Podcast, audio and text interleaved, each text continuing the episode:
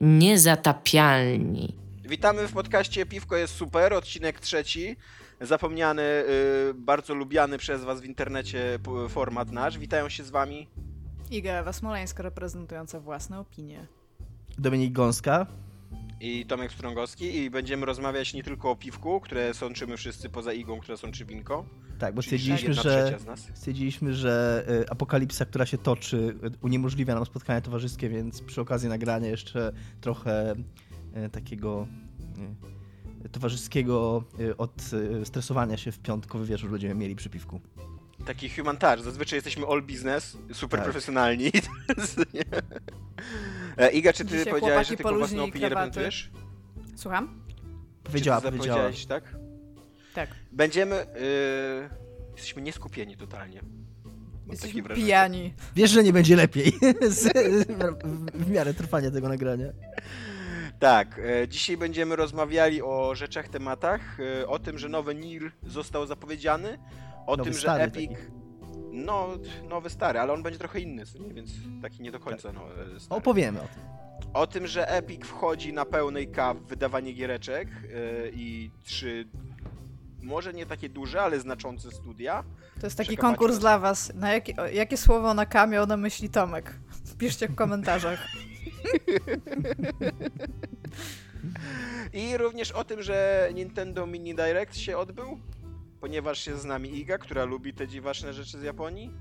Więc Tak, o tym obejrzałam. też będziemy rozmawiali. Tymczasem co jest grane? Ponieważ żaden z was nie odpisało mi na maila w tej sprawie, więc zacznijcie. Iga, co jest grane u ciebie? Zaskocz. Słuchaj, Tomku, gram w Duma. Nie wiem, czy słyszałeś kiedyś o Dumie, bo słyszałam, że wyrastałeś. wyrastałeś i hartowałeś się w Dumie. A gram sobie Tak, w Duma, wiem, że ty już dumny. skończyłeś. A, I niestety jakby zgadzam się ze wszystkim, co ty masz do powiedzenia, ale wciąż, w sensie z tego, jak rozmawialiśmy, ale wciąż się bawię bardzo dobrze. Jestem co prawda dopiero dwa levele po gladiatorze i bardzo bolą mnie sekwencje platformowe, których jest po prostu coraz więcej. Ja mam wrażenie, Co, że się, nie co, jest... to, co tam się dzieje teraz? Co to są dwa levele po, po gladiatorze? A, ojejku, no przepraszam, Czy jesteś gladiatora teraz w, fabryce zwanej Piekło, w której jest wydobywana energia wszechświata? No jestem już w centrum e, Marsa, w zagubionym mieście, kurde, Hatshepsut. Nie pamiętam totalnie, Co? jak ono się nazywa. Ono się nazywa jakoś HP, w- osiem apostrofów, e, trzy znaki zapytania i Nice. taki kwadracik, który masz, jak ci się znak ASC i nie ładuje. A, więc jestem tam i gra mi się wybornie dobrze, natomiast e, mam taki problem, o czym też już rozmawialiśmy, że staram się wymaksować tę grę i niektóre rzeczy są tam niestety na tak bardzo złym OCD poziomie dla mnie, bo widzę je i wiem, że mogę tam wejść i je zabrać, ale kurde nie wiem jak, a nie chcę patrzeć w walkthroughs, więc spędzam zdecydowanie za dużo czasu na kręcaniu się i wąchaniu ścian. Poza tym się bawię bardzo dobrze, natomiast przeczytałam dwa wpisy do kodeksu, bo stwierdziłam, że jakieś w końcu przeczytam i stwierdzę, co tam jest i one są tak... To, że one tam są i że to jest bardzo duża odskocznia od tego pierwszego Dumu, to jest jedna rzecz, ale one są zupełnie niepotrzebne. W sensie one nie dają mi nawet żadnego takiego lore, które jest dla mnie w jakikolwiek sposób fajne, te dwa, które przeczytałam. Więc nie wiem, ale super się cieszę, bo do jakiś czas temu weszły nowe typki, których nie było w poprzednim Dumie, a są z klasycznego Duma, czyli te Pain Elementals, które są po prostu straszne, jeżeli chodzi o to, jak są upierdliwe. Są Te mega czachy, trudne. tak? Co na ciebie lecą? E, takie e, jednookie demony kulki, które plują czaszkami, tak.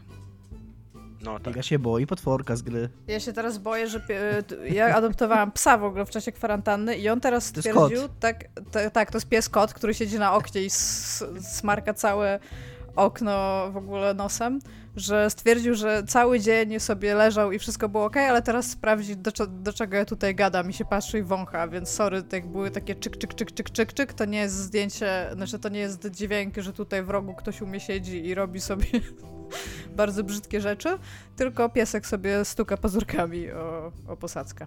Ten typ w rogu jest cichy, tak? Cicho, On się masturbuje nie bezgłośnie. Tak? No idź stąd. Znowu przyszedł. On nawet nie lubi tego pomieszczenia. E, Skoro już przy tym jesteśmy, to możesz opowiedzieć o swoim psie, ponieważ e, było, padło pytanie do ciebie w komentarzach. Co to No, za rasa i... powiedzieć. To jest jak się rasa wabi? p- pies bury kundel podwórkowy z przytulisko schroniska, który się wabi Sojus. Jak, e, wiem, że tak, że tak się nazywa po rosyjsku też Związek Radziecki, bo to oznacza związek, ale generalnie to jest od e, modułu e, jak się nazywa, pasażerskiego radzieckich statków kosmicznych, które teraz też jest tak nazywane rakietą, a ten pies biega jak rakieta, a że mnie jarają rakiety i lubię Ilona Maska, Tomek, to stwierdziłam, że mój pies nie będzie się nazywał Dragon, jak rzeczy ze SpaceXu, tylko go nazwę go... go, No. mogłaś go No. Łajka na, nazwać po prostu.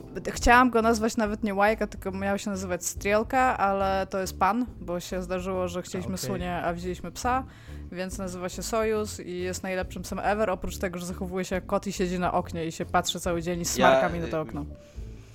Z szacunku dla historii od- bardzo bym odradzał nazywanie psa łajka. Tak, bo w sensie to jest bardzo brutalne imię, To, to, tak. to jest co się pies, który umarł łajce, nie, nie, tak, jakby w trakcie startu i ja chcę tutaj przypomnieć, że o ile my już wiemy, co się stało z Łajką, to w trakcie tego, kiedy startowała jakby z ziemi, to wszyscy ludzie myśleli, że ona e, nie dość, że Rosjanie nie podali faktu, że ona tam ma się zatruć żarciem, które sobie Mhm. sama podaje, to ona po prostu umarła ze stresu i przegrzania w kapsule w trakcie startu, więc tak naprawdę Okej. ugotowali psa. Białka i nie two... nie życzę No. tw- źle twojemu psu, po prostu miałem Łajka, pies, kosmos w jakiejś tam przygródce w mózgu. Nie znałem nawet za bardzo tej historii. Jest e, w ogóle komiks na ten temat, To jest trochę, też książka trochę tak jakbyś tak, jakbyś człowiekowi, który, o jesteś wierzący, nazwij syna Judasz. Luźne skojarzenie. Akurat, akurat mogę od razu przejść do, od razu mogę przejść do e, mojego, co jest grane. E, Nie, ale ja chcę oglądam- jeszcze o Dumie. A, Nie ma, nie okej. ma Tomek, nie, nie, Domek nie ma, nie. Nie, bo ja chcę, ja chcę powiedzieć tylko dwie rzeczy, że po pierwsze szanuję to, że nie zbierasz kodeksu, aczkolwiek e, podczas walki z ostatnim bossem, który ma za zadanie zniszczyć ziemię, ale nie potrafi nawet Zbieram, zniszczyć tylko nie czytam. e, e, będzie jeszcze ostatni wpis do kodeksu podczas tej walki, więc bądź gotowa na ten fragment jeszcze w ogóle. A poza tym, e, jak bardzo doceniasz budowę świata przedstawionego, w którym przez 20 godzin ratujesz ziemię i w ogóle to jest e, jakieś chyba w ogóle przeznaczenie tego człowieka, co nie tego Dumgaja, żeby uratować ziemię. Mimo, że e, e, ten księżyc już wyleciał w powietrze, a ty e, as we speak jakby w trakcie akcji tej, tej, tej, tej gry rozwalasz jeszcze Marsa, więc tam jakby układ grawitacyjny w tym układzie słonecznym już, już nie ma nic wspólnego w ogóle z, z jakimikolwiek szansami na przeżycie. Co nie? Za- Zaraz Ziemia wypadnie ze swojej orbity Ja w tyle, ogóle, nie? ja, nie mam zielonego pojęcia, bo ta historia, im więcej widzę cutscenek, tym, mam tym mniej ma dla mnie sensu. To jest dla mnie zupełnie bez sensu, bo dlaczego ja mam się czuć skonfundowana? Ale była jedna cutscenka, która po prostu jest tak dobra, że ona zasługuje na jakiegoś Oscara, anty-Oscara growego. Tam jest taka scena, gdzie widzisz swoje dłonie, że tak cię prowadzą na tą arenę i widzisz dłonie jakby przed sobą, tak że ktoś cię za nie trzyma za ręce i cię tak ciągną, tak nogami jakby powłóczysz z tyłu. No i przynoszą cię na arenę i mówią do takich dwóch tam e, duchownych, tam tych e, piekielnych, tej rasy tam jakiś Mike, że tam słuchajcie, czy nie wiem, czy to jest ta rasa, nie wiem. no, W każdym razie mówią do nich. E, tam, ekscelencjo, znaleźliśmy tutaj tego typa na zewnątrz areny, co z nim zrobić? I oni tak się na nie na, patrzą na ciebie i mówią, nie, nie wiem, weź go na arenę. I tak, brilliant, nie? Jak oni w ogóle wpadli na ten plan. I potem jest w ogóle jakaś dziwna sekwencja, w której ja mam chyba dostrzec człowieczeństwo Doomgaja, który się z jakimś fatum zmierza. Ja w ogóle tego Chciałem, nie że człowieczeństwo rozumiem. demonów w ogóle, że oni też mają Nie, nie, nie, swoje demony, rodziny nie, i... nie. Demony są generalnie pokazane już nawet gameplay. Oprócz tego, że gameplayowo ty bardzo chcesz do nich strzelać, to nawet jak wchodzisz na arenę, to one się ze sobą tłuką, co ci pokazuje, że tam generalnie to tam się źle dzieje, nie? W, w piekle się źle Piekle. dzieje. Nie, nie jest dobrze. Tak, okej, nie, okej. nie jest dobrze w piekle generalnie, tutaj jest pokazane. I jakby. Arono, ja nie czytam tego kodeksu, y, zbieram wszystko jak leci, bo ja mam wielką chęć, znaczy, mam wielką chęć doprowadzić tę grę do końca i naprawdę bawi mnie, jak od- otwieram jakby ostatnie rzeczy, niektóre, więc siedzę i będę w nią dalej grać, ale Tomek już mi powiedział, że zachowuje się jak typ z małym penisem. nie wiem, nie mam zamiaru nik... nie mam zamiaru nic nikomu udowadniać, robię Tomek to dla siebie, ten dlatego, że się, że się dobrze bawię. Nie no, Jezus. właśnie ja, się- ja się nie zachowuję, ja, ja nie, nie kompensowałem sobie tam niczego, nie musiałem, kurde, maksymalnych wyników wykręcać. Anyway, gram w to na zmianę z Animal Crossing, w które zaczął grać... e, Dominik, są u również- ciebie. Fuck you, guy. E, ja chciałem powiedzieć a propos tego, co Dołek mówił o tym, mojej, o tym moim lapsusie z łajką, że e, oglądam akurat, teraz sobie powtarzam Brooklyn Nine-Nine, bo e, chcę o tym powiedzieć przy okazji, dlatego, że oglądałem ósmy Halo, sezon, halo Iga, wracamy do ciebie. że zacząłem siódmy sezon Brooklyn Nine-Nine, ogl- Nine-Nine oglądać i tam był taki żart w odcinku, który akurat oglądałem, że tam oni jechali na akcję i tam mieli sobie pseudonimy wybrać. Jeden z bohaterów, ten główny bohater Jake Peralta mówi, że on będzie Deathblade i pyta Broj tego drugiego swojego kumpla Boyle, jak ty się chcesz nazywać. No i Boyle jakiś tam, jakoś tam imię z musicalu wziął. I on mówi, że nie, nie, nie, nie może być nic z kotów, wybierz, wybierz coś takiego gro, groźnie brzmiącego. I Boyle mówi, Hitler. A ten, a ten, nie no, nie może być Hitler. Weź grzechotnik. A ja się bardziej boję Hitlera akurat.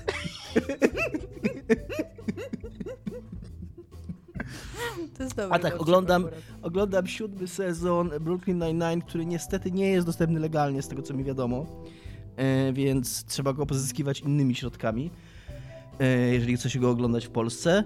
E, I bardzo mi się podoba. Znaczy, ja jestem w ogóle fanem tego serialu i bardzo go lubię, ale jestem naprawdę zadziwiony tym, jak. e, że to jest serial, który na etapie siódmego sezonu ciągle potrafi być śmieszny, taki autentyczny, że wybucham śmiechem. Co nie wiem, czy kiedykolwiek jakiś serial komediowy był w stanie tak długo taki efekt utrzymywać.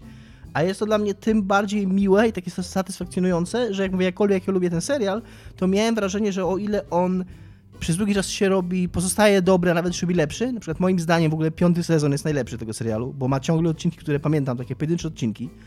E, tak szósty uważam, taki jak się zmieniła stacja, która to produkuje, to ten szósty był ok, ale taki już trochę mech, już czułem, że trochę im, e, no jakby takie, że, że jakby coś nie gra, że już nie jest takie fajne, że już nie jest tak super, że już się tak nie śmieje. A teraz siódmy znowu jakby wrócili, jakby złapali ten rytm. Trochę mi się wydaje, że w szóstym mieli taki problem, że tam, że się zmieniła stacja, to oni dostali pozwolenie na przekleństwa, co, mm, znaczy wciąż, wciąż są wypikane, ale przynajmniej są wypikane przekleństwa, wcześniej nie było nawet wypikanych przekleństw i trochę za bardzo chyba się tym zachłysnęli i za trochę za dużo dowcipów po prostu się sprowadzało do tego, że ktoś powiedział fuck i było to wypikane i to miało być śmieszne. I tak teraz w tym sezonie już chyba trochę się oswoili z tym faktem, że mogą to robić, więc tego nie robią znowu. E, I, i, I bardzo mi się podoba i się bardzo dobrze bawię. Nie mam nic, niestety to za bardzo do powiedzenia o grach, bo w nic nowego nie gram, o czym bym nie mówił wcześniej już. Skończyłem Dragon Age'a, o to mogę powiedzieć, bo ostatnio grałem w Dragon Age'a. Wow. Jakby te, mogę, Wow. mogę, mogę powiedzieć, że ten etap uważam za zamknięty. Tam ktoś mi mówił, że jest jeszcze z DLC, że tam jest cliffhanger, to mam w dupie. Jakby skończyłem tą grę, przeszedłem, zrobiłem w niej wszystko, co było do zrobienia. Tak, tak totalnie wszystko. W sensie wszystkie znajdźki, zabiłem wszystkie smoki, także nie mam nawet już e, co w niej zrobić, jakbym chciał. Więc mogę ją... Koniec pewnej epoki. Skasowałem ją i nie wrócę do niej nigdy Dominik? i jestem zadowolony, tak? Dominik, powiedziałbyś, że przeszedłeś Dragon Age z wyróżnieniem? tak bym powiedział, tak, totalnie. Czy to, by, czy to były Dominik po tych wszystkich latach? Czy to były dobre wydane pieniądze? E, tak. Uważam, że warto było. Uważam, że to jest. Nie, nie wiem, Była czy. wieloletnia inwestycja, Tomek. Znaczy, Tak. ja bym nie powiedział, że to jest dobra gra. y, W tym, czym jest Dragon Age, jest również dobra gra. Jakby dobra gra jest częścią y, tego, tego, nie wiem, produktu, jakim jest Dragon Age, tylko że tam jest strasznie dużo gry. Teraz będzie kolejne nawiązanie, y, do, do, które ucieszy Tomka. W Better Call Saul Mike kupuje broń i sprzedawca daje mu taką dużą, wyczesaną, wielką snajperkę. I Mike na to patrzy i mówi too much gun, że jakby to jest za, za dużo broni w broni w, ty, w, tym, w tym karabinie. I, I trochę takie mam wrażenie w Dragon Age, że to jest takie too much game. Że to jest po prostu tak dużo gry, gry w grze, że tam jest tyle tego wszystkiego, że to na niekorzyść gra. I to nie jest świeża myśl, dużo ludzi to mówiło i jakby tam jest dobra gra, ale tam jest też strasznie dużo takiego e, męczącego, upierdliwego, e, takiej męczącej, upierdliwej pracy i to nie jest ta, wcale takie oczywiste, żeby to jedno odróżnić od drugiego. To nie jest Czy wcale jest tak... lepsze niż Wiedźmin 3? Nie, nie jest Wiedźmin 3, na pewno nie. To jest gra w ogóle z innej epoki, to jest stara, to jest stary RPG, taki sprzed Wiedźmina. A już Wiedźmin nie, to nie jest taki nowym RPG, jak ty odkrywasz. Właśnie chcę o tym powiedzieć, bo była super promocja na tę krew i wino, a to jest ten dodatek, którego w ogóle nie, nie, nie ogrywałem.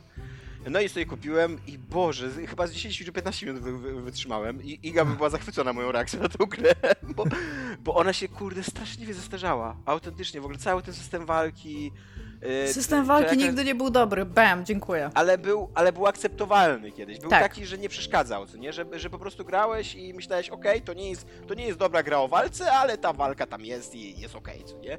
A teraz to jest autentycznie w ogóle odpychające. A to, jak jest zrobiona płotka w tej grze, ona, ona autentycznie, ona aktywnie przeszkadza grać w ogóle. Ona po prostu jest złośliwą pindą, która robi złośliwe rzeczy, która, która po prostu prześladuje tego Geralta biednego. Nie da się jej zawołać, nie da się na nie jechać prosto, ni, nic się kurde nie da zrobić. No ale wiesz, że ludzie w ogóle kochają za tą płotkę i to jest tam prawdziwa płotka, tru, true płotka. Że ma osobowość, tak? Tak, dokładnie. Nie, to nie, jest, to nie jest trochę tak, że jaki by tam nie był bug i jaki by to nie było game, break, game breaking, to przez to, że to jest Wiedźminie, to ludzie to będą po prostu kochać i uważać za taki solid mem material, zamiast krytykować. Ha, ha, właśnie tak jest. No, y, y, w każdym razie ten dodatek również pokazuje bardzo dobrze, jak bardzo żerują, znaczy no nie żerują, no bo mają do tego prawa, ale jak, jak, jak fałszywe jest to przeświadczenie, że w ogóle Wiedźmin byłby super bez Sapkowskiego. On się w ogóle, on, on się zaczyna w ogóle odwołaniem do chyba wszystkich, y, wszystkie ważne postaci, do których oni tam odwołują na wstępie, to są postaci z sagi, Tak. dowcipy z sagi, sytuacje z sagi i tak, Tak, no dalej, to ja też, ja od zawsze to mówię, że Wiedźmin jest Tak. dużo mniej kontynuacją, a dużo bardziej adaptacją e, powieści. Niż, niż Tak. się wydaje. No w każdym razie pograłem, nie wiem, z godzinę, dwie, bo to jest taka gra, że jak tam w ogóle wchodzisz w dialog, to tam przynajmniej 40 minut musisz gadać, co nie? Eee, ale tylko tak kliznąłem trochę, tylko dopiero dojechałem do tego królestwa i tam zrobiłem ze dwa questy, ale nie wiem, czy będę w to inwestował czas. Już się ta gra, bo ona ze 30-40 godzin trwa w ogóle ten dodatek. No tak, to jest taki, to jest taki solidny dodatek wielkości tam niezłego RPGa, takiego No nie właśnie. Więc, e, więc nie wiem, nie wiem, czy wytrzymam to, bo nie chcę sobie psuć dobrych, dobrych wspomnień, jakie mam.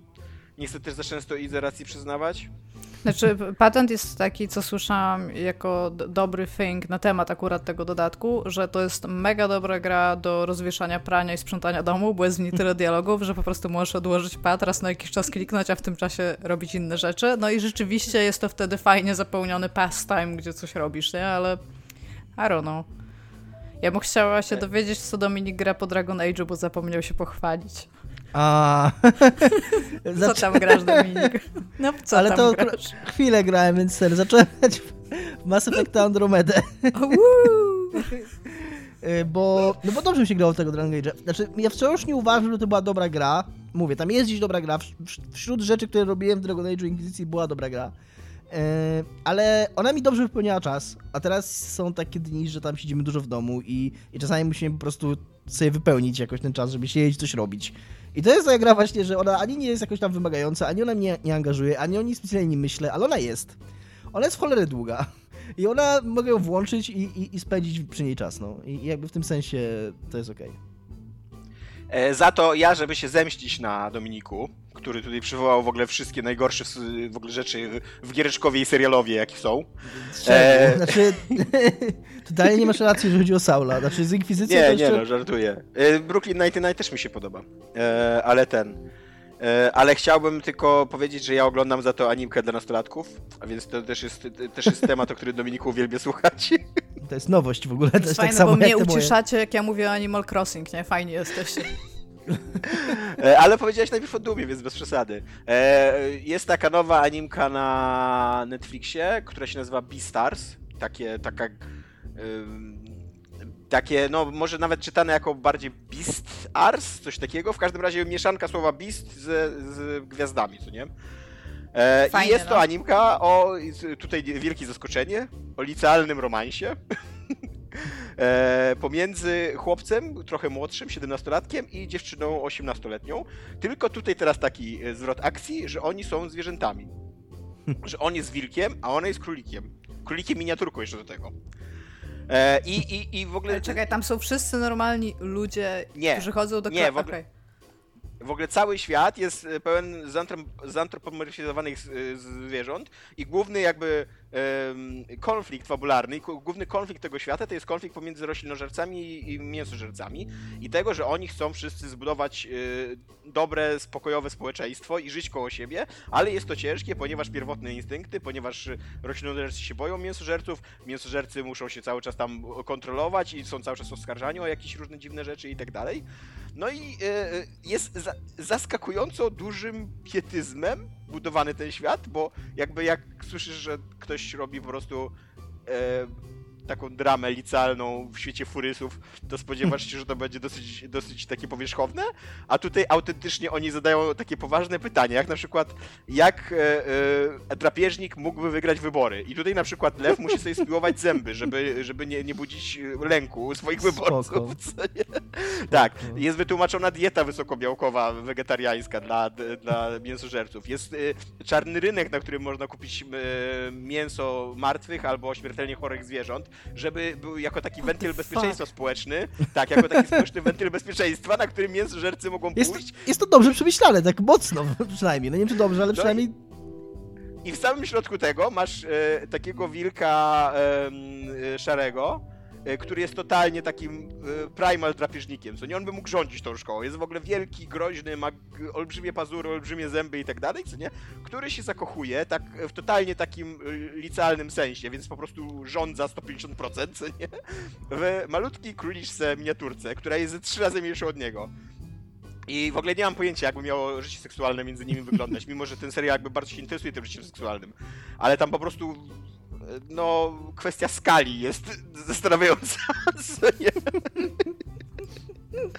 E, i, i, I co ciekawe, ten, to, to co mi się akurat zajebiście podobało w tym serialu, że ten wilk jest, e, jest bardzo świadomy swojej takiej przewagi, swojej uprzywilejowanej pozycji takiej właśnie w społeczeństwie i jakby stara się ją ograniczyć. Jakby wie, że ludzie się go boją, wie, że on, ma, on jest silniejszy i tak dalej i on przez to się robi, jest takim wycofanym pacyfistą, że jakby stara się nikogo nie straszyć, stara się nie nadużywać w ogóle siły, nie, nie warczyć na nikogo i tak dalej, i tak dalej, nie? E, więc jest to... Właśnie to jest trochę tak, jak mówisz Dominik, jak mówisz o Dragon Age'u. Jest to animka, ale i oglądałem ją z przyjemnością, ale nie wiem, czy to jest dobre. Znaczy tam coś, coś w środku jest dobrego schowanego, co nie? tylko, tylko nie wiem, czy ona cała jest dobra, sama w sobie, No. co nie? E, na pewno ten, ten, te- ta chemia pomiędzy tymi bohaterami jest ciekawa. E, i, i, I fajnie to jest zrobione. I zaskakująco jest w ogóle dojrzałe podejście do seksu. Takie, że, e, że się no, nie, nie, nie, nie, nie, ma takiego jakiegoś, nie wiem, cenzurowania takiego, jak zazwyczaj jest w gadaniu do, do nastolatków o seksie, nie? Tylko normalnie są tam nastolatki, one mają życie seksualne. Ta główna bohaterka jest w ogóle taka bardzo otwarta seksualnie i w ogóle... no jest królikiem. Tak, tak. Właśnie to jest w ogóle dziwne, bo cały ten serial jest e, o tym, że, że trzeba przełamywać te takie stereotypy, jakie na nas narzuca społeczeństwo, ale jednocześnie na maksa ten serial korzysta z tych stereotypów. Właśnie, Mhm. że jak królik, to znaczy, że ma dużo partnerów seksualnych. Nie, na przykład. Jak e, jest tam koza, i koza dostaje w pewnym momencie scenariusz, to pierwsze co robi koza, to zjada ten scenariusz. No ale Tomek, te stereotypy by nie istniały, gdyby nie były prawdą. E, więc tak, Okej. więc nad tym spędziłem trochę czasu. Napisałem tekst o tym, jakby kogoś z naszych słuchaczy interesowało na zagrano, e, gdzie bardziej mówię o problematyce niż właśnie o tym, czy to jest dobre, bo nie wiem, czy to jest dobre. Ale ogólnie na pewno jest to ciekawe doświadczenie zobaczyć coś takiego. I jest zaskakująco ładnie zanimowane, mimo że to jest animacja 3D. Taka mm, bardziej rysunkowa niż CGI, ale jednak 3D, jednak e, widać to. Ale zaskakująco ładnie to wygląda. Więc jeżeli byście byli zainteresowani, nie wy, bo wiem, że wy nie. Ale jeżeli by Ja bym nawet byli bardzo zainteresowani- chciała, ale jak na razie nie mam e, internetu dzięki Orange. Bardzo nie polecam. To chciałam powiedzieć, bo się bardzo zdenerwowałam. Dziękuję. Spoko. Koniec. Mi to nie przeszkadza. Wysłuchaliśmy cię. Twoja trauma e, do nas dotarła. Teraz wy będziecie mówić, a ja zapalę światło, żeby potem dało się to wyciąć z mojego cichego... Dobrze. Ja może też zapalę światło, bo co chamy nie Tak, widać. zupełnie, możesz też zapalić światło. Więc ja tu po prostu będę siedział i nic nie mówił. Proszę. Iga już wróciła, więc w zasadzie to nie jest wielki problem. Wydaje mi się, że Dominik jest bez spodni, ale mogłem się przewidzieć. Ja nie widziałam. E, ja bym chciała jeszcze powiedzieć Tomku, skoro zostaliśmy Ja sami, bez że ja skończyłam komiks. od jakichś dwóch czytać. tygodni bez spodni.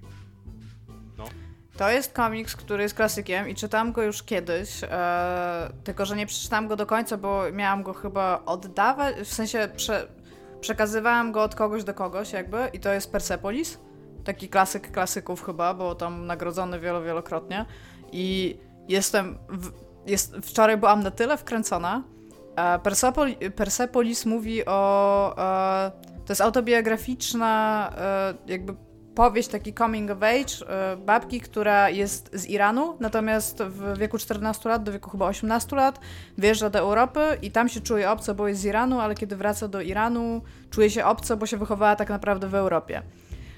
I patent jest taki, że przez to, że tam jest bardzo duży nacisk na politykę i kulturę Iranu w tamtym czasie i bardzo często, kiedy dochodzi do takiej, e, takich przemian kulturowo-religijnych, oni na przykład nie ona nie może wychodzić z domu z chłopakiem, bo nie mogą chodzić mężczyzna i kobieta bez ślubu e, po ulicy i są z tego sprawdzani, to jak wczoraj właśnie miałam wyjść z psem, to wcześniej wychodziliśmy z psem e, we dwójkę z chłopakiem moim, a wczoraj nie mogłam wyjść, no bo jest e, koronawirus i nie można wychodzić teraz w dwójkę i pierwsze co pomyślałam, dobrze, że nie idziemy razem, bo by nas aresztowali.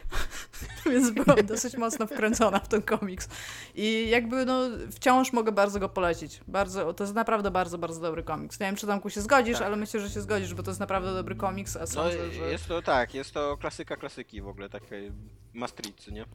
Tak, więc. Bardzo jak... dobra animacja jest na jego podstawie też. Właśnie chciałam się też zapytać, bo jak e, sobie wczoraj go chciałam wpisać w Goodreads, to się zastanawiałam, czy on ma inny tytuł w oryginale, ale no, nie, nie, nie. ma. E, tak, no i właśnie pierwsze co, to mi nawet nie wyskoczył komiks Google, tylko animacja. I tak stwierdziłam, kurde, że czy, ale to jest taka adaptacja jedno do jednego, rozumiem, tak? Tak. tak. Okay. Zresztą autorka pracowała w tej adaptacji, więc ona jest bardzo A ona jest dostępna na jakimś e, takim naszym serwisie, za który mogę zapłacić i zobaczyć? Czy to było coś, co mogę kupić na przykład na płycie? Wydaje mi się, że jakbyś bardzo chciała zapłacić Pirate Bayowi, to tam istnieje jakaś możliwość, więc... A chyba jeśli chodzi o to, chyba jeśli chodzi o to, że chodzi o to, żeby jednak jakoś tam, przynajmniej potencjalnie twórca z tego coś miał, tak? Nie, nie wiem. Nie wiem, czy jest na legalnych. Jeżeli, Bo... jeżeli by była, to podejrzewam, że na YouTubie, bo to jest taki stary film, tam są zazwyczaj takie dostępne. Bo jeżeli hmm. Iga na przykład już koniecznie musi po prostu komuś zapłacić, to już niech lepiej na naszego Patronite'a rzuci po prostu. Dziękujemy wszystkim za wsparcie na Patronite. Dziękujemy, tak, dziękujemy. A, dziękujemy. Tak, i jeszcze w związku z tym, że mam, e, że jakby polecamy i tą animację, i ten komiks. To jest bardzo fajna animacja, która się nazywa Sita Sings the Blues. Sita śpiewa bluesa, którą również mogę polecić w związku z tym. Dziękuję. Okej, okay, została polecona. Tak. Tematy? Tak, tematy. Kto zaczyna? Tematy. Ja mogę, mogę zacząć w takim razie. Ponieważ wydaje się, że mój temat jest taki najpoważniejszy. Wiadomo, twój jest najlepszy temat w ogóle, zawsze. Nie, no ale tak wydaje mi się, że jakby największe reperkusje chyba No oczywiście, miał, oczywiście. E, Epic, e, którego wszyscy nie... Znaczy chyba już teraz powoli już chyba wszyscy się pogodzili z Epiciem i go lubią, a przynajmniej korzystają z Epica. E, no to w każdym razie Epic e, ogłosił, że zajmie się teraz na poważnie wydawaniem gier, że po prostu będzie wydawcą i jako e, jakby w trakcie tego ogłoszenia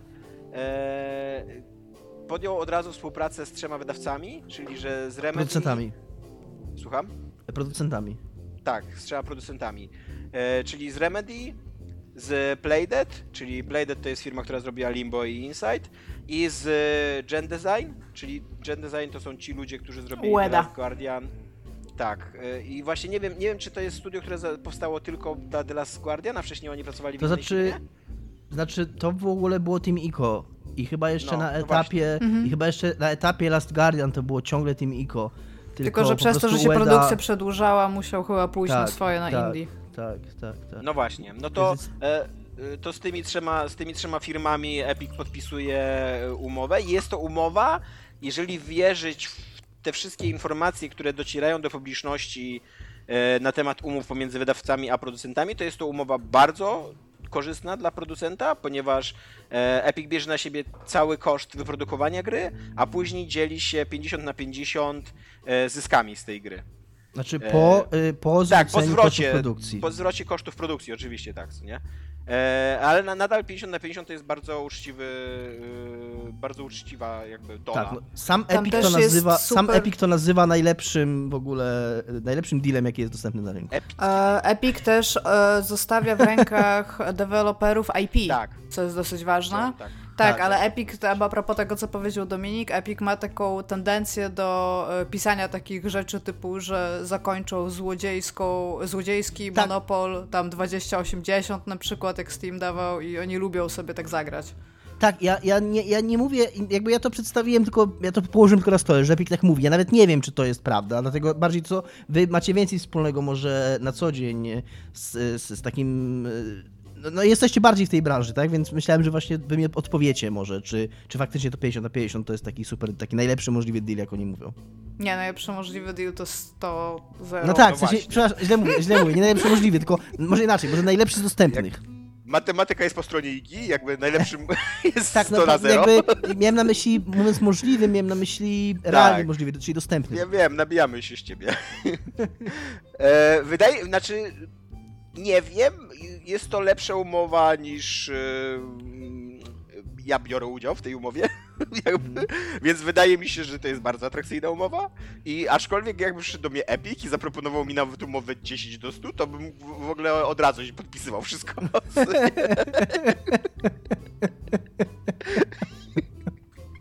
e, to, aczkolwiek... Tomek, po- powiem ci, że to nie jest najlepsza pozycja negocjacyjna. Nie wiem, nie wiem. No ja nie, nie jestem biznesmenem jakimś ani nic takiego, wiesz. W każdym razie, gdyby przyszedł Jak przyjdzie, tak, to jak przyjdzie Tim Sweeney do ciebie z walizką pieniędzy, to po prostu bierzesz, nie będziesz zadawał pytań. Tak? będę Rozumiem? negocjował na kolanach. Mi się bardziej podoba, że zaproponowałeś deal 110, czyli oni wciąż dostają 100, a ty dostajesz 10. A mi dają tam y, literalnie 10 dolarów w ogóle. Aczkolwiek e, Jeszcze Ale do portfolio będziesz miał. change. e, widzę pewne e, widzę pewne takie niebezpieczeństwo na przyszłość, jeżeli chodzi o tą umowę. E, o, te, o, znaczy w ogóle o cały ten projekt, bo on został ogłoszony i w ogóle jakby tak powstaje w takich czasach, w jakich żyjemy, co nie? A nie zapominajmy, że Epic e, to jest fa- faktycznie Tencent, co nie? Tam giga... nie, nie, nie wiem, czy oni mają jakby decydujący głos Tencent, ale na pewno Nie, nie, źle wkład. mówisz. Jest, jest duży, jest duży, ale to coś, aż tak, żeby powiedzieć, że to jest praktycznie Tencent, to jest No to jest ze przesada. 30% z tego, co kojarzę. No tak. No to, to jest dużo, ale to jeszcze nie jest tak, że to jest jakiś tam kontrolny pakiet, że mają, mm, że, że mają No dobra, pełnię no. władzy. No ale nadal jakby żyjemy w takich czasach politycznych, że nie, nie mamy pojęcia, jak będzie wyglądało robienie interesów z Chinami za 2-3 miesiące, co nie? Mhm. Nie dość, że, nie dość, że trwa ta wojna mm, celna Trumpa już sprzed epidemii, to teraz jeszcze wszyscy coraz bardziej zaczynają mówić głośniej, że Chiny kłamały w sprawie koronawirusa, że ukrywały to, że to jest mm, jakby to, jak się rozprzestrzenił koronawirus, to jest w dużej części właśnie mm, problem tego, jakim państwem są Chiny, co nie? I czy za trzy miesiące się nie obudzimy w jakiejś, kurde, nie wiem, zimnej wojnie z Chinami, czy czymś takim, co nie? Mhm. Nie wiem. Szczególnie, że w- stopień i poziom zarażeń, prędkość w Stanach Zjednoczonych jest jakaś w ogóle zatrważająco przerażająca w tym momencie.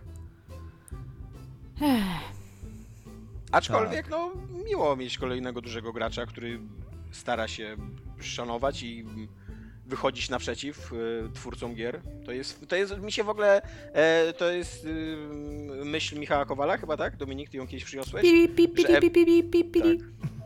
Kowal Watch. Że, Epic, że klientem Epica nie jest e, gracz kupujący grę, tylko mm, firmy produkujące gry, że Epic jest zainteresowany jakby uderzeniem do, tych, do, do, do, tej, do, do, do, do, do tego klienta.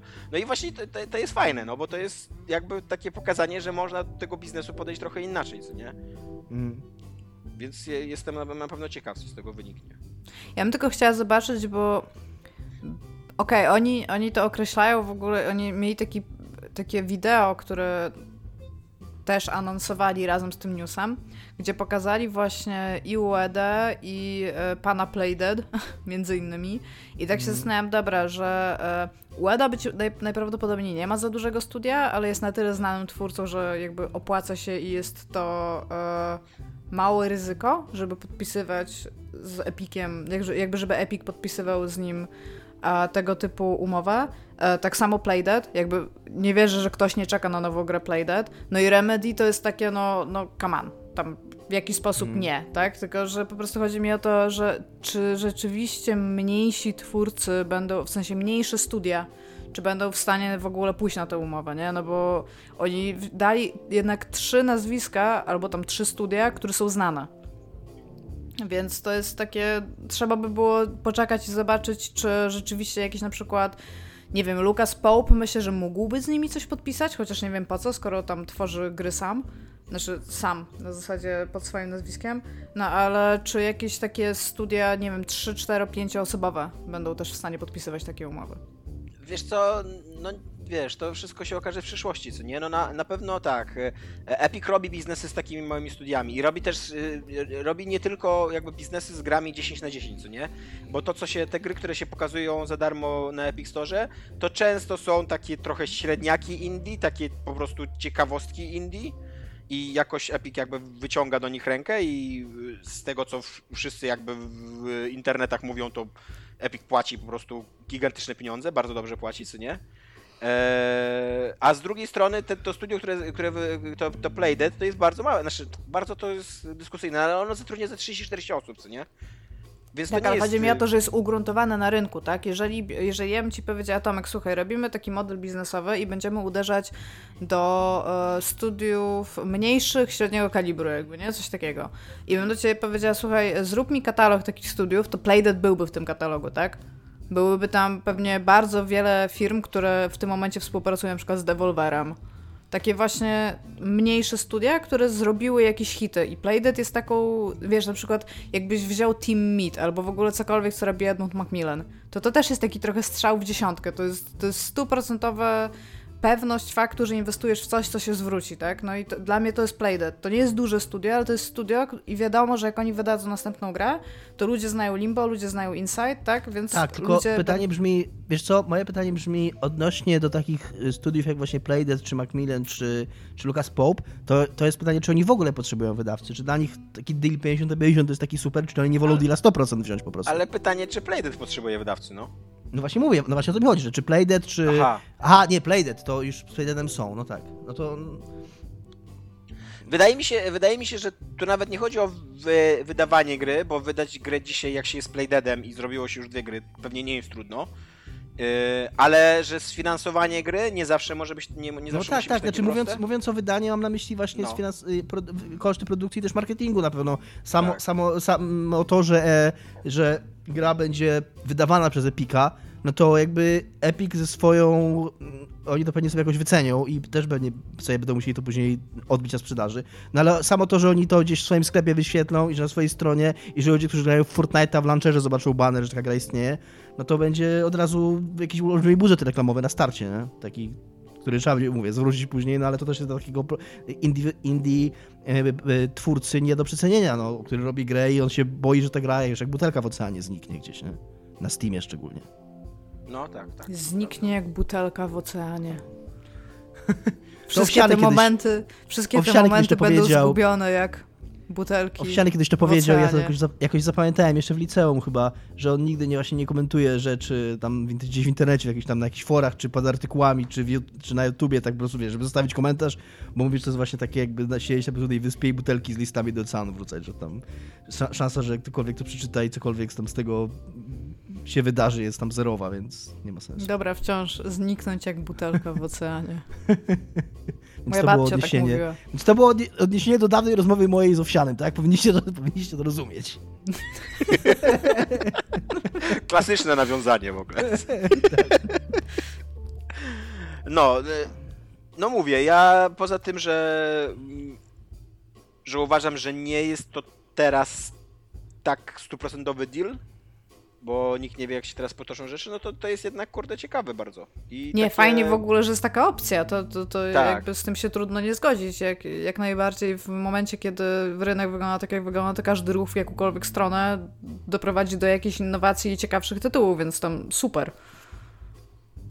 Swoją drogą ciekawe, czy, ciekawe, czy ta e, strategia Epika na dłuższą metę przyniesie jakąś odmianę zachowań, że się tak wyrażę, wydawców, co nie?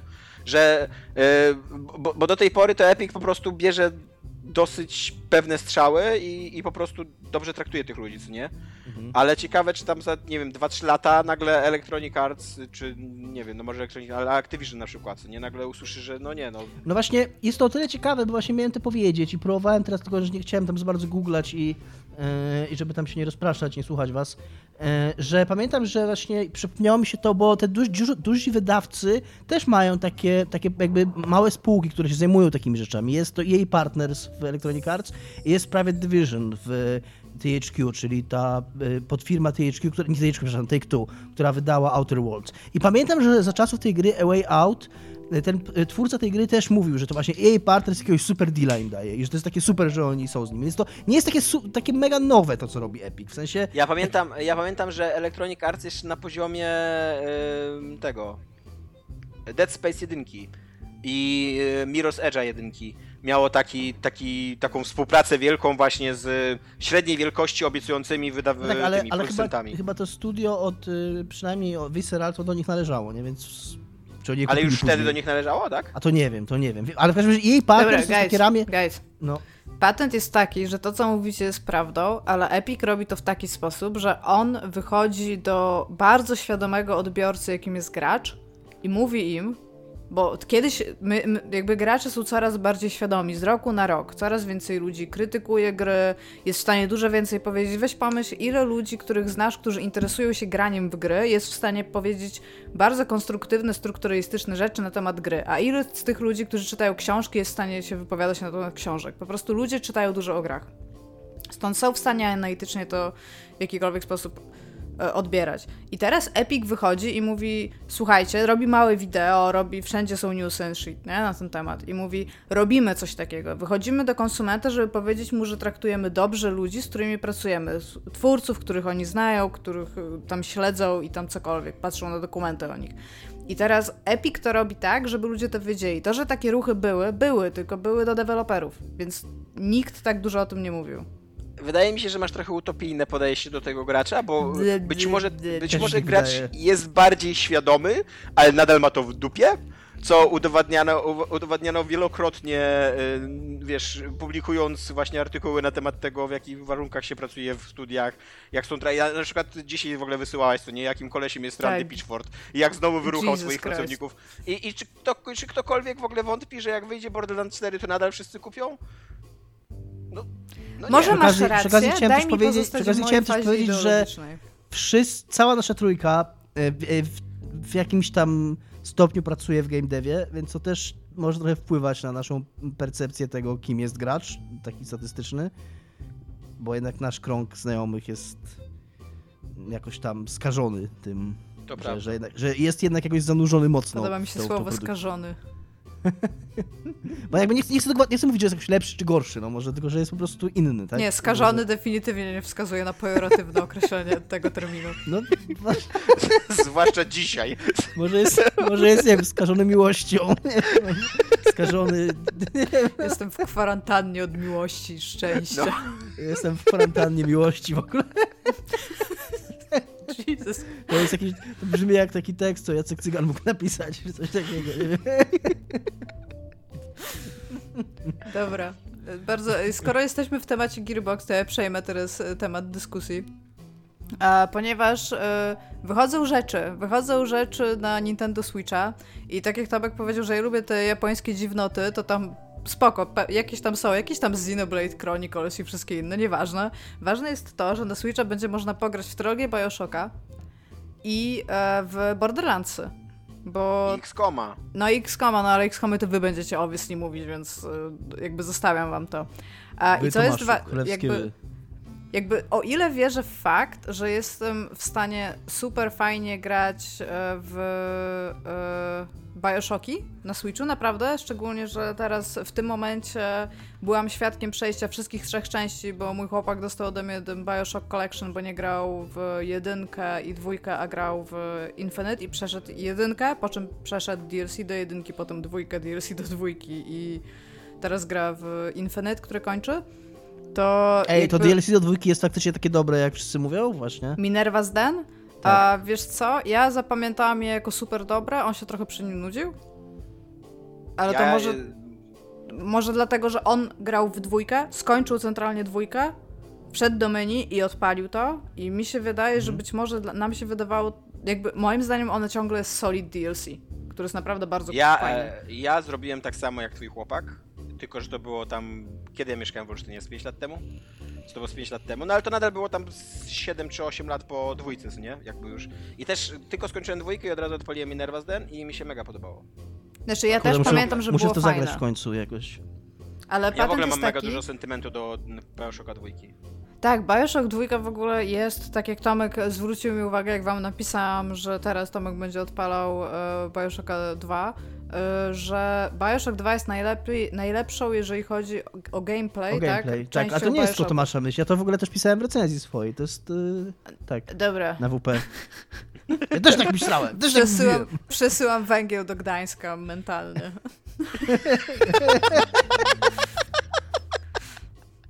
Dobra. Anyway.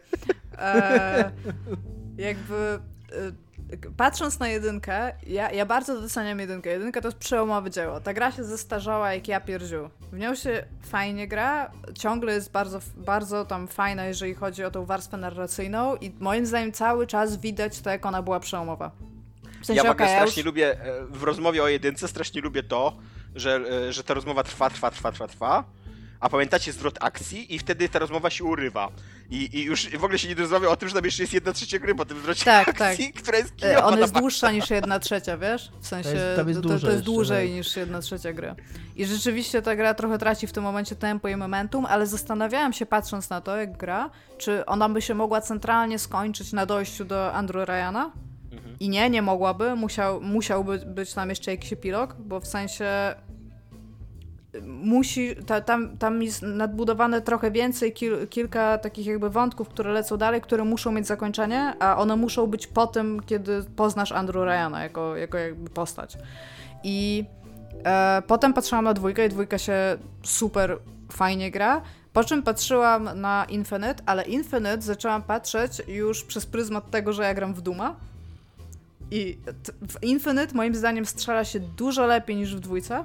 Pomimo tego, że nie ma tego fajnego gameplay loopu, gdzie zostawiasz pułapki i ona jest taka trochę combat stealth, ale taki fajny stealth, taki kombatowy stealth, co jest spoko, to e, Infinite jednak jest najbardziej nowoczesną, no tam, wow, teraz odkrywam Amerykę, najbardziej nowoczesną sposób strzelanek, bo ona ma bardzo fajny pacing, jeżeli chodzi o opowiadanie historii, ma bardzo fajną historię też przy okazji, ale też e, i dialogi, i te audiologii i wszystko jest bardziej skondensowane, a ciekawsze. Bo jedynka Ma i taką- dwójka jest...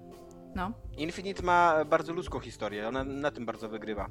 Na tym, No. że tam nawet jeżeli, nawet jeżeli się nie, nie, nie interesują cię jakieś takie abstrakcyjne założenia polityczne, co nie, i d- d- debaty polityczne, to, y, no to po prostu lecisz za tą Kurde. bohaterów, co nie? Pamiętam jak tam porwali tu Emily, no się Emily nazywa, Tak. tak? I, ja, I to była jakaś chyba druga czy trzecia w nocy. I ja powiedziałem, kurwa, nie, Elizabeth. Elizabeth, Elizabeth, właśnie, Elizabeth, tak, tak, Emily, what the Elizabeth. fuck. że, I że po prostu, kurna, nie pozwolę na to, że idę ją ratować. I grałem później do 6 czy 7 rano. Pamiętam do dziś, pamiętam jak porwali tą dziewczynę, której imienia nie pamiętam. No, pamię, no, nie nie wiem, pa- ja pamię- sobie, O, ja sobie na przykład przypomniałam teraz, e, pamiętacie, tam są ci, e, te bliźniaki w cudzysłowie, nie? E, ta kobieta, która e, jakby udało jej się zawiesić atom w przestrzeni. Bliźniaki w cudzysłowie. Co? Iga. Przecież to jest Nie, no, spoiler. I spoiler, nie spoiler. Anyway, tam oni mają taką grę, gdzie na samym początku, jak cię łapią, to mówią ci, żebyś podrzucił monetą. I ty mówisz, że nie chcesz tego robić, no ale oni ci mówią, podrzuć monetą. No i tam podrzucasz monetą i łapiesz, i jest reszka. I on do niej mówi, popatrz, reszka. I ona mówi, no tak jak ci mówiłam. I zaznacza mu, na jego, on, on ma zawieszony taką tablicę, e, taką czarną tablicę na kredę jakby. I mają przedzieloną w pół na orzeł i reszka. I zaznacza mu reszka i to on ma po prostu pełno, nie ma ani jednego orzeł, jest pełno reszka jakby, nie? To jest taka jakby najprostsza gra statystyczna, gdzie wiesz, że zwykle to będzie się zbliżało do takiego 50 na 50 po prostu.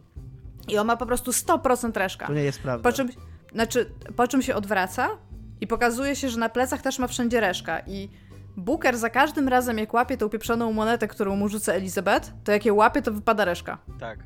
Za każdym kurde razem. I sobie o tym przypomniałam i tak siedzę i tak... Ta gra była tak fajnie w ogóle dopięta na ostatni guzik w tak wielu aspektach, z których sobie nawet nie zdajesz sprawy, dopóki jej nie przejdziesz i nie przemyślisz po prostu przez moment i potem musisz przejść jeszcze raz, żeby to wszystko zauważyć, że to, to mi się super w niej w ogóle podoba. Ja jestem Ja, ja uwielbiam jedynkę i dwójkę, ale ten Infinite jakby jest mi w jakiś tam sposób, być może dlatego, że gram w niego najpóźniej jakby, ale jakiś taki super bliski w ogóle, super, super ja lubię chciałem tylko Infinite. powiedzieć, że e, że rzuty kością ani rzuty monetą nie pamiętają poprzednich wyników, więc to nie jest tak, jak ja powiedziała, że to się będzie zbliżać do 50%, to będzie losowe, czyli będą też e, obszary, że, że będzie przykład 5 albo 6 się powtarzać, albo nawet 10 się powtórzy, jest to możliwe. Natomiast to, co, ten efekt, o którym ty mówisz, że to będzie się zbliżać do 50%, to się nazywa prawo wielkich liczb i on mówi tylko tyle, że przy nieskończoności rzutów. No tak, no przy nieskończoności e, rzutów przy nieskończoności będzie się, się będzie zbliżać do 50. 50%, ale jak No weźmiesz tak. dowolny wycinek, to to może być Dobra, dowolnie y, rozliczone. wysyłam węgiel Chciałem dla- aktywny razy dla- dwa dla Wasz mety- do ulubiony, youtuber matematyczny Dominik Gąska. Ja oglądam dużo youtuberów matematycznych, tak, mam to ogarnięte. Subujcie, dawajcie łapki w górę. Ale, ale mamy, tego, mamy tego jednego komentatora pod naszymi odcinkami, o których jak ja za każdym razem, jak mówię, że, wy, że wyczuwam e, próbę naciągnięcia statystyk w grach strategicznych, Mhm. co e, notabene totalnie się dzieje, totalnie To się, się tak dzieje, jakby tak, projektuje tak. gry strategiczne, że się oszukuje graczy Tak, i tak. totalnie mamy tego komentatora, który zawsze wtedy mówi, że, tu, że nie wiesz jak działają takie rzuty i tak dalej, więc teraz Dominik, on cię polubił właśnie. I to co ciekawe, i to co ciekawe właśnie oszukuje się tego gra, oszukuje się tu statystykę właśnie, żeby bardziej na korzyść gracza, żeby, te, żeby właśnie, e, jeżeli powiedzmy trzy razy nie trafisz, to żeby za czwartym trafisz, tra, za, żeby za czwartym razem trafił, bo gracz się spodziewa, że ten właśnie rozkład, że rozkład losowy jest w miarę równomierny. Że, że jak, jak trzy razy nie trafi, to za czwartym razem raczej powinien trafić. Często tak jest gra na przykład w tych strategiach turowych, że, że po iluś misach już masz 100%, nawet jak to jest 5%, nie? Dobra, co jeszcze tak chciałam gracz. powiedzieć, to wychodzą też Borderlandsy i wydaje mi się, że jakby to, to mówię, z, to, to jest moja subiektywna bardzo opinia. Nie wiem, czy chciałabym grać w Borderlandsy na Switcha, ale z drugiej strony, jeżeli nie byłby handheld, czy tylko zdokowany, to spoko. E, W jedynkę być może najlepiej na handheldzie, ale na przykład dwójkę tak już średnio. Ale Wciąż Dlaczego? Czym one się różnią, że... Wiesz co, jedynka jest, bo tam jest ten cel shading i jedynka jest bardzo wyraźną grą, taką, no w sensie przez to, że była stara i musieli trochę tam podopinać to i jak sobie w nią grasz, to to wszystko bardzo jasno widać, wszystko jest bardzo ten, ale potrzebujesz mieć, staram się jakby mm, zbudować to w mojej głowie, bo ja to powiedziałam w tym momencie tak no, bardzo z własnych odczuć. Wydaje mi się, że ekran Switcha i pady, które masz dołączone do niego, w sensie nie używając pada zewnętrznego, są bardzo słabe do grania w Borderlandsy. Wydaje mi się, że potrzebujesz tam. Ja, ja grałam w jedynkę na PC i grałam we dwójkę na PC i już na konsolach. I tak sobie mi się grało, w sensie dużo lepiej mi się grało na PC. I właśnie nie dlatego, że, że pad, tylko że przez to, że, że masz tą. że- Przez to, jak wygląda świat i przez to, że jest tak bardzo stylizowany tym cel shadingiem, jest dużo prościej robić cokolwiek w nim myszką i klawiaturą niż padem, a nie wyobrażam sobie grać na padzie od Switcha w taką grę. O, może tak. Huh, to było trudne. Wiecie co, wiecie, co mi się najbardziej podobało w tej, znaczy w ogóle nie tylko w tej konferencji na Nintendo, ale w ogóle co mi się w Switchu strasznie podoba, to że to jest autentycznie konsola, która daje drugie życie e, takim trochę zapomnianym grą AAA, co nie? Takim, bo Tak, oni tak, sobie to, to, zdają to jak najbardziej. Tak, oni sobie zdają sprawę, że te gry nowe nie pójdą na tym sprzęcie, Mhm. ale te gry sprzed tam 3-5 lat już spokojnie będą hulały, co nie? I to, że No. na przykład teraz XCOM 2 wraca, ja kurde się nosiłem z zagraniem w XCOM 2 drugi raz z tym dodatkiem War of the Chosen, co nie? Mhm. e, który podobno w ogóle zmienia całkowicie tą grę. I się od dawna nosiłem, żeby w to zagrać, ale tak sobie myślałem, że e, e, a teraz jak wyjdzie na Switcha, to tylko poczekam na recenzję, czy to działa, co nie, i totalnie w to wchodzę. Znaczy, ja powiem tak, jakbym wcześniej nie grała w Borderlandsy, to bym zagrała w nie na Switchu. Wydaje mi się, że wciąż wolałabym w nie w tym momencie po prostu odkurzyć moje stare gry i zagrać w nie jeszcze raz tam, ale z drugiej strony pewnie, tak jak Tomek mówi, nie zagrałabym jeszcze raz w Borderlandsy, żeby to zrobić. Na Switchu jak najbardziej a ok. Oprócz tego, że Borderlandsy 3 wciąż są bardzo źle napisaną grą i grajcie w nią bez napisów i bez dźwięku. I e, wasz kochany Burnout Paradise będzie. Ja, Tak. ja nie lubię Burnout Paradise. Ja Jakiego wy lubię lubicie? Burnout 3 Burnout i 3, Burnout 4. Takedown. Jezus Maria. Hello. Paradise jest z otwartym światem. Who fucking cares? Tak, też nie za lubię. darmo na Steamie. Te, to o tym powiedział Jaci i ja się z tym bardzo zgadzam, bo to było bardzo trafne, że w takich grach wyścigowych w otwartym świecie to kurna więcej czasu spędzasz patrząc na tą mapkę, która jest w rogu i która zajmuje tam jedną dziesiątą tego ekranu, niż na trasę, po której jedziesz. Bo kurna trzeba cały czas pamiętać, w którym miejscu skręcić. Bo tam jak się jechało, to mogłeś wiesz, jechać, możesz jechać dowolnym, dowolną trasą i szukać swoich skrótów, kurna bullshit. I przez to wiesz, zamiast się ścigać, to kurna cały czas patrzysz na minimapę, na GPS-a, żeby wiedzieć, gdzie skręcić. Jesus, Anyway, czy gry wyścigowe z otwartym światem spaliły ci wioskę? Mi trochę tak, Battle bo jak dla mnie wyścigi nie mają Paradise sensu, żeby były w otwartym rozczarowaniem. świecie. Był takim rozstrzelowaniem dla mnie, bo ja uwielbiałem trójkę, naprawdę. Yy, a, a Ross Paradise po prostu mnie... A. I to z- kilka razy próbowałem do niego się przekonać. Dobrze, Może nie spaliły ci bre... wioski, ale przynajmniej zabiły przyjaciela. wyjdzie też Zabiły jak... Bravely... Więcej, zabiły coś we mnie. Już? Wyjdzie też Bravely Default 2. Ulubiona gra Tomka. Tak, już widzę Tak. tw- radość na twojej twarzy. A, I poza tym wyjdzie kilka japońskich RPGów i jedna gra strategiczna, której w życiu nie znam, ale oprócz tego, co robię bardzo dobrą przejściówką, wyjdzie też, a propos starych gier, w które możesz zagrać już niedługo, stary, nowy Nir. I chcę, żeby Dominik Tak. powiedział całą nazwę tej gry, proszę. Ojejku, nie mam jej zapisanej. Jest to, jest to Nier Replikant i później rząd cyferek. Ale poczytałem dużo Kurde, na ten nie. temat, bo ja... Nier, Nier Replicant, wersja 1,22, 47, 44, 87, 139. I Boom, researched! I te trzy kropki. E, Ale musiałem trochę podać ten temat, bo o ile ja uwielbiam Nira Automatę i uważam, że to jest chyba najlepsza gra tej generacji, e, taka, to jest taka gra tej generacji, e, której mi, której mi brakowało w tej generacji, czyli taka gra, która jest, którą ja pamiętam, która była czymś wyjątkowym, takim niepowtarzalnym, która, która, z którą miałem jakieś silne przeżycia emocjonalne, która Ale Dominik tak, napisał, że to jest jego 10 na 10 ostatnich lat. tak, tak. E, I, i e, więc jestem mega fanem Nier Automaty, ale poza tym wiem bardzo mało o tej serii i o jej. e, To jest dosyć w ogóle długo, jakby długo istniejąca seria, bo ona się zaczęła od czegoś co się Gestalt nazywało. I jakby Nier wypączkował z tego Gestalta, to nie jest. Jak ta idea filozoficzna? Tak, tak. Tak. E, To, to jest i- bardzo i- i- filozoficzna gra przecież. I Nier, I Nier to jest jakby, od, nie wiem, czy to jest sam świat do końca, ale jakoś tam jest y, takim spin-offem tego Gestalta jest Nier. I właśnie, nie, źle mówię, Drakensanga. E, Drakensang to jest ta, ten, a Gestalt to jest podtytuł tego pierwszego Nira. Więc jeszcze raz. E, najpierw był Drakensang Nie, Dominik, spoko, słuchamy cię. i z tego Drakensanga jakoś tam wypączkował Nir, jako jakiś tam spin-off czy, czy rozwinięcie jego. I pierwszy Nir miał dwie wersje. Był Nir Gestalt właśnie, który się ukazał na zachodzie i w Japonii na Xboxie 360, bo wtedy Microsoft miał takie parcie, żeby tam, żeby Xbox istniał w Japonii, a jednocześnie tylko w Japonii na PlayStation 3 ukazał się Nir Replicant. To były dwie wersje tej samej gry.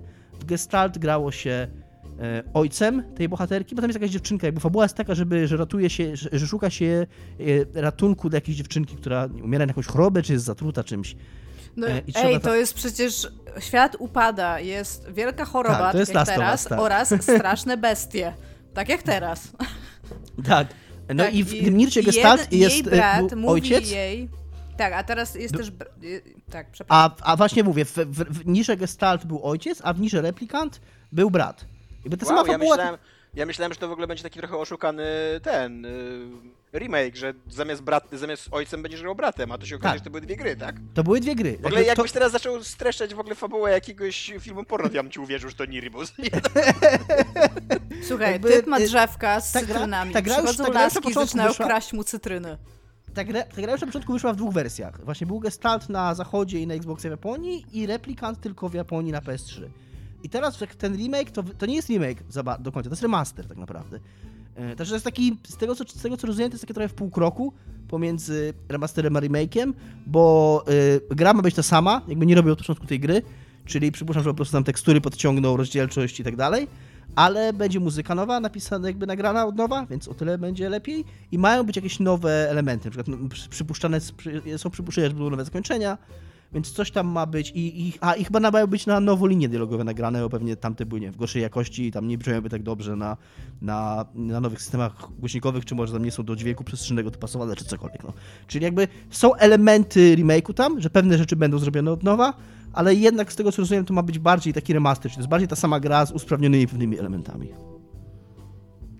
Wygląda Więc tak. ładnie e, na tym, co pokazywali, w sensie oni tam zrobili takich kilka e, takich jakby trójwymiarowych screenshotów, takich częściowo e, poruszających się gdzie jest taki mały ludzik wobec jakiegoś krajobrazu, takie jak, jak malarstwo tam niemieckie romantyczne. I wygląda to naprawdę bardzo, bardzo ładnie, a przy okazji to, jak zmontowali ten trailer, jest bardzo tanie, a bardzo efektowne, więc Ja o tyle się, znaczy sobie ja jestem, obejrzeć. ja jestem ciekaw tego bardzo i chętnie poznam więcej Nira, ale też jak trochę badałem temat już wcześniej, jak się zastanawiałem, czy warto w tego Nira grać, to raczej jest takie przekonanie, że dla kogoś, kto grał w Nira Automatę, kontakt z pierwszym Nirem może być dosyć bolesny, bo to, są, to jest gra, która podobno jest bardzo ciekawa fabularnie i tak koncepcyjnie, bo tam ta właśnie cała filozofia ten cały Yoko Taro, który, który jest produce- y, reżyserem tych gier i jakby głównym designerem, on ma super pomysły, ale że gameplayowo ona nie jest ciekawa, że jest dosyć monotonna y, i że dosyć taka słabo się w to gra. Że właśnie Platinum, że ta współpraca Yoko Taro z Platinum Games po tym, bo on miał swoje studio najpierw, e, Kawia chyba się nazywało, i to studio zrobiło pierwszego Nira. Później to studio, nie wiem, czy, nie, nie, nie wiem, czy ono się, czy ono rozwiązał, czy ono zbankrutowało, ale w każdym razie e, Nier Automata powstał już jako e, efekt współpracy Yoko Taro, czyli tego designera z Platinum i to było takie jakby, takie idealne połączenie, nie? że oni dodali, do, dodali dobry gameplay do, do tej gry. Ja bym tylko też chciała powiedzieć, że tak samo jak Nier Automata, tego pierwszego Nira, z tego co pamiętam, znaczy słyszałam tak naprawdę i czytałam, bo dużo o nim rozmawiałam, nie grając w niego, a też trzeba przejść kilka razy. Tak jak... e, Nier Automata nie trzeba Automata. przejść kilka razy. Nie A trzeba przejść e, kilka razy. raz. E, trzeba Nie. przejść kilka razy. Nie, goście Nie. przychodzi raz. Rozmawialiśmy już o tym, nie Tak, będziemy się szczególnie dwa pierwsze przejścia są bardzo Totalnie się siebie. Goiga przechodzi raz. To jest Totalnie jedno przejście. To jest, to jest gra, która cię troluje napisami końcowymi, Tak, to wszystko. Tak, to wszystko, tak. Ona, ma, ona to się bawi trochę formułą. i Przeszłam, tym- przeszłam dwa pierwsze.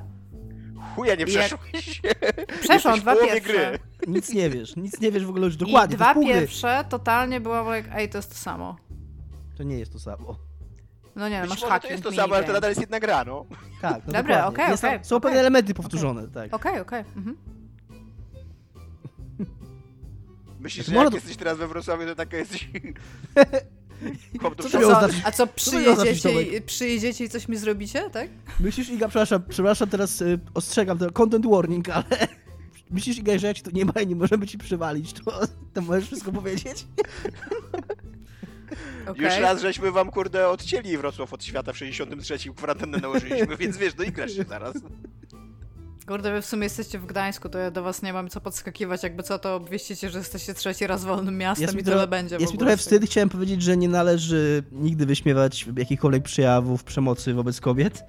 Y, Chciałem po prostu taki żarcik puścić, ale nie wiem, czy on wylądował do końca.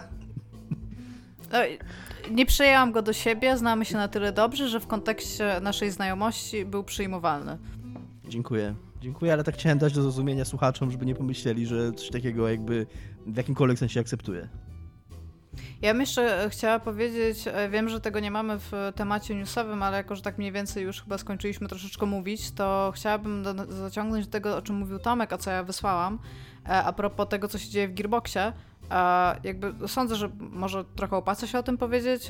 Wydaje mi się, że okej, być może tutaj też mówię jako tam game developer, ale w Gearboxie powstał taki taka bardzo niefajna sytuacja, po tych wszystkich bardzo niefajnych sytuacjach, gdzie Borderlands 3 sprzedały się bardzo, bardzo dobrze, ale pomimo tego, e, faktem tego, że ostatnio Gearboxowi tam słabo się wiodło, najprawdopodobniej jeżeli chodzi o domniemania e, między innymi Jasona Schreiera, a ludzie, którzy pracowali nad Borderlands 3 nie dostaną bonusów, które, które zostały mi obiecane, dostaną je dużo mniejsze, pomimo faktu, że e, Gearbox, właśnie a propos tego też, co mówiliśmy o Epiku, ma taki dosyć nowatorski system wypłacania premii pracownikom, gdzie do firmy wraca 60% zarobków, jakby z, z gry, ale 40% tych zarobków jest y, jakby rozprzestrzenionych e, po pracownika ze względu na to, jak długo pracowali. Okazuje się, że tak nie jest i do tego zaciągał Tomek. I tylko to chciałam powiedzieć. To jest bardzo nieładne, ponieważ Jest to były nieładne, obiecane potępiamy. im tak, były obiecane im większe premie, które w tym momencie w jakiś sposób nie, do, nie mają nie dojść do skutku. Jak, jak bardzo wierzycie w to, co mówi y, człowiek z Microsoftu, zapomniałem jego nazwiska, że obecna sytuacja na świecie w ogóle nie wpłynie na premierę Xboxa Series Phil? Spencer.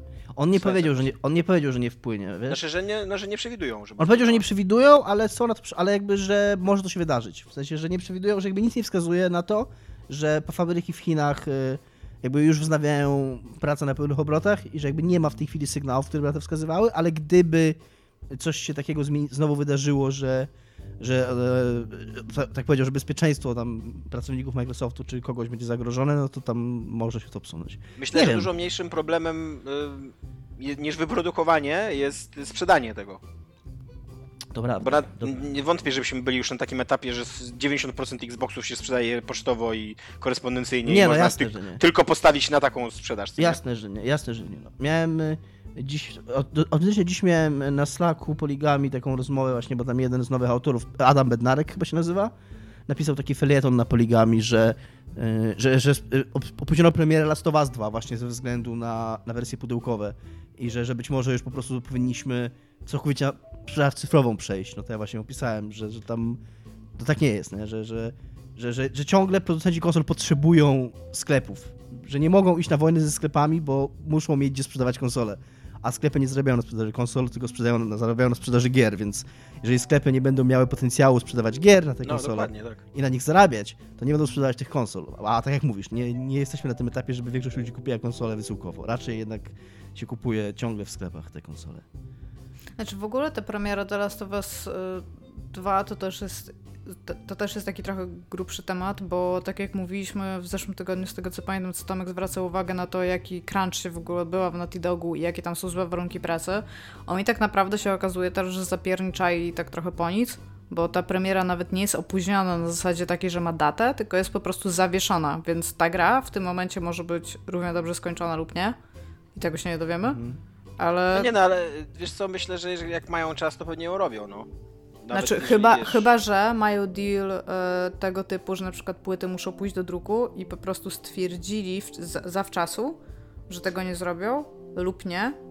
Tylko, że trochę też mi trudno uwierzyć, że, że co, w takim razie po prostu będą jakby robić polisz dalej, nie? Iga, no tak, no właśnie, dokładnie, no nawet jeżeli gry, znaczy płyty poszły do sklepu, no to to nie jest jeszcze skończona gra, żyjemy w XXI wieku, co nie? Mimo, że kupujesz no, grę w sklepie, to i tak no. day one ściągasz, kurde, 5 giga patcha, co nie? Pierwszego. Ja wiem, Tomku, tylko wciąż jakby no jest mi szkoda... 5 giga to było w dawnych czasach, to pięknych. No, nie, no, nie, no, ja się zgadzam z tobą, tak. No dobrze, to tak. Ale jakby... mam do Was pytanie jeszcze na koniec, zanim przejdziemy do sekcji komentarzy, ponieważ jest to coś, co mnie zainteresowało bardzo. Jason Schreier, czyli e, ten postrach e, z przemysłu gier wideo, i e, papież dziennikarstwa growego, e, napisał takiego tweeta, który w ogóle stał się oczywiście, że wiralem w ogóle twitterowym na całym świecie i do którego również w Polsce się wszyscy odwoływali, że sytuacja jest taka, że lepiej, żeby firmy growe nie robiły prima aprilis. Że tak, napisał takiego tweeta. E, czy się z tym zgadzacie? Bo ja tak mocno średnio. Jakby. Ja, ma, ja mam są, tak. Są, są ciężkie czasy, są ciężkie czasy, ale to chyba właśnie jest najlepszy moment, żeby, kurde, mieć poczucie humoru i Wiesz żart co? opowiadać. Ja się zgadzam, ja, mówił, się... Ja, ja, ja, się zgadzam z tym, co, myśl, bo, co mówisz, bo on jeszcze mówił, on jeszcze mówił, że, że tam, że to jest nakręcanie fake newsów, nie? A żyjemy w takiej sytuacji, że tam nikt nic nie wie na temat tego koronawirusa, znaczy nikt nic nie wie, no ale że, że jest mnóstwo plotek, mnóstwo jakichś teorii spiskowych i tak dalej, nie? No ale z drugiej strony też, kurde, nie mieszajmy koronawirusa z giereczkowym, no naprawdę fake news giereczkowy nie, nie wysadzi świata, co nie? Mi się wydaje, że mu chodziło bardziej o to, e, jakby tak, tak jak mówisz, e, śmianie się teraz jest chyba i humor bardziej potrzebny niż kiedykolwiek. Tak, żyjemy w Grim Times, trzeba, trzeba się z tego, trzeba się śmiać z rzeczy. Tylko mu chyba bardziej chodziło o to, że wobec tego, co się dzieje, to zwykle te rzeczy takie fake newsowe, jeżeli chodzi o giereczki, były raczej takim. E... Dominik coś pokazuje i nie wiem, co mam z tym zrobić. Nie, e, były... A, by, były raczej czymś takim, co mogłoby w jakiś sposób skonfundować yy, jakby konsumenta, a nie czymś yy, takim, jak na przykład robi The Onion, że oni dają nagłówek, który jest po prostu sam z siebie tak absurdalny, że aż jest śmieszny i potem czytasz tego newsa i to też jest śmieszne, bo to jest po prostu taki hihihaha, tylko mu chyba chodziło po prostu o to, czy, czy opłaca się teraz na przykład napisać, że Half-Life 3 wychodzi, po czym powiedzieć, yy, znaczy wiem, że już wyszedł, a po, po, czym powiedzieć, że ha, ha, ha, żartowaliśmy, nie? Mu się znaczy, to ja myślę, że ja powiem tak, jeżeli to interpretacja tweeta Igi, tweeta Johna Schreiera poczyniona przez Igę jest prawdziwa, to jego wymowę można by skwitować jako nie należy w, ty, w obecnych czasach robić kiepskich żartów aprilowych i Nigdy wydaje mi się, nie że... należy robić kiepskich I, mi się, żartów. I to, to dokładnie tak właśnie chciałem powiedzieć. I to jest y, jakby przesłanie, które jest zawsze aktualne, nie tylko w ta, tych czasach, tylko w ogóle nie należy robić A słabych pamiętacie żartów. dobry żart Prima Aprilesowy Giereczkowa? Więc Blizzard czasami robił takie bardzo, bardzo takie Blizzard jest zły. y, y, Ej, e, granie, e, granie w Skyrima przez Alexę? Tak, no to było To spoko. nie był żart Prima Aprilesowy, to jest. I przy, nie, no to był żart i to przy okazji, tak, tak. To, było, I to jest I to fajne. jest bardzo a, dobra taki- gra.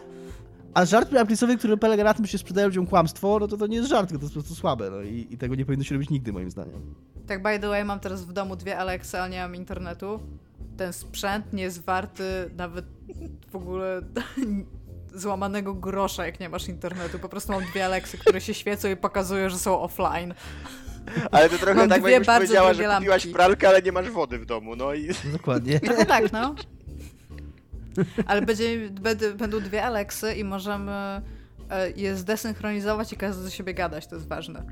Kupcie, e, kupcie takie em, te, te em, robociki zabawki, przyklejcie do Furby? każdego z nich po, po jednej A- Aleksie i wrzućcie je na arenę i niech walczą ze sobą i wymieniają się uwagami. Dobra, komcie. Dobra, komcie. Szalowna sekcja komentarzy. Tak, najpierw Dominiku, ponieważ e, było dużo uwag na temat tego, jak nagrywamy, e, Tak. to opowiedz, jak nagrywamy, jak to wygląda. E, Nagrywamy tak, że. Bo było dużo uwag dotyczących oprogramowania, jakiego używamy do komunikacji między nami, więc tak jak odpowiedziałem i u nas na stronie, i na Facebooku, jest to kompletnie bez znaczenia, jakiego programu używamy. Używamy takiego programu, jaki dla nas jest wygodny i który spełnia nasze potrzeby, jeżeli chodzi o komunikację między nami. nam Discorda zamiast e, Tak. Skype'a. My y, od, jakby posłuchaliśmy rad ludzi, które, którzy mówili nam, że warto mieć oprogramowanie, które pozwoli nam się widzieć podczas tej rozmowy, żeby zachować taki klimat intymnej rozmowy między przyjaciółmi. I, I wydaje mi się, że to działa. Wydaje mi się, że to jest fajne, że się widzimy. Y, Trzeba przyznać, że tak, że oglądanie Igi jak zeruje kieliszek za kieliszki. Wypiłam już dużo wina. tak. Już jesteś w ogóle Powiem wam zarumieniona. więcej. Więc, więc to jest, Jest więc pusto. to jest nice.